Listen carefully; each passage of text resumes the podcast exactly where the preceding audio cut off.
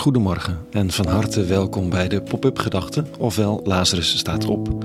Ik ben Rico en ik schrijf overwegingen om de dag mee te beginnen.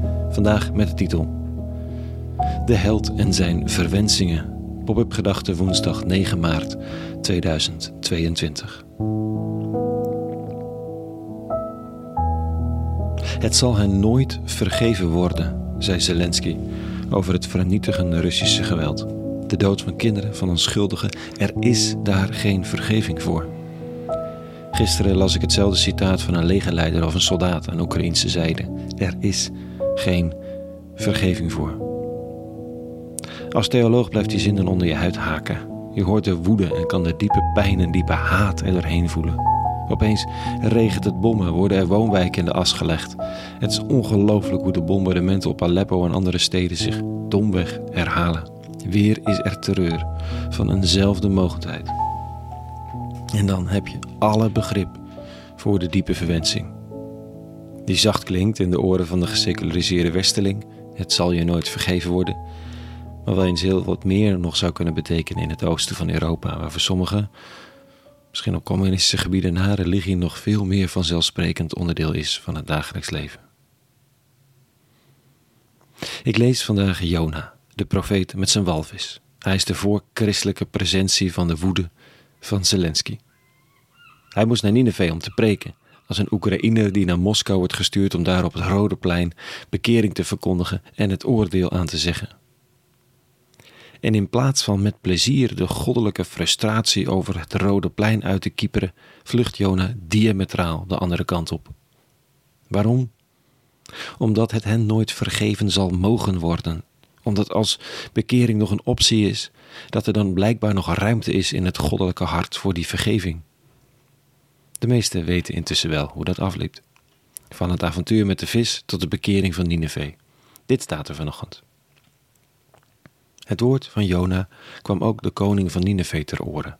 Hij stond op van zijn troon, legde zijn statiegewaad af, trok een boetekleed aan en zette zich neer in het stof hij liet in Nineveh omroepen, op last van de koning en van zijn rijksgroten, mensen, dieren, grootvee, kleinvee, ze mogen niet zeten, niet grazen, geen water drinken. Mensen en dieren moeten zich in boetekleren hullen en uit alle macht tot God roepen. Ieder moet terugkomen van zijn heilloze wegen en van de ongerechtigheid die aan zijn handen kleeft. Wie weet of God dan niet terugkomt op zijn besluit en daar spijt van krijgt. Wie weet of hij niet terugkomt op zijn vlammende toren, zodat we niet te gronden gaan. En God zag wat zij deden. Hij zag hoe zij terugkwamen van hun heilloze wegen en God kreeg spijt. Dat hij hen met dat onheil bedreigd had. Hij bracht het niet ten uitvoer.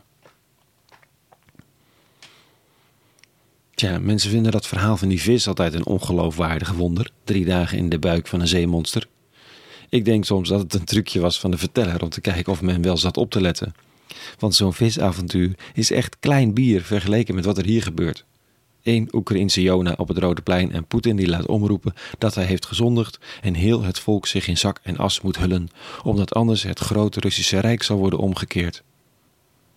Grapje natuurlijk. Ik vind die vis echt geloofwaardiger.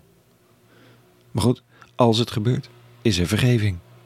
Meteen, geen twijfel over mogelijk. Of Jona of Zelensky dat nou kan verdragen of niet.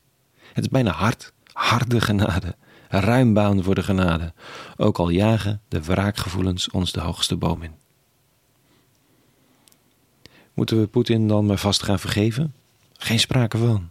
Kwaad is kwaad en moet zo benoemd. Er is meer kwaad dan dat, daar wijzen critici terecht op in dit gebeuren, maar niets daarvan legaliseert de huidige vernietigingszucht van de Moskouse heerser. Maar omkering en inkeer en dus ook vergeving is altijd voorhanden, al kan niemand zich dat voorstellen. En waarom is dat belangrijk? Omdat het ook voor jou en mij geldt. Als het voor de koning van Nineveh en Poetin geldt, dan ook voor jou en mij. Wat je ook geflikt hebt in je leven, hoe onmogelijk of hoe onverdraaglijk het ook is. Dat is het wonder van Jona. Dat gaat niet over vis, maar over tranen en inkeer en vasten en toekomst. Tot zover vanochtend. Een hele goede woensdag gewenst. En vrede. En alle goeds.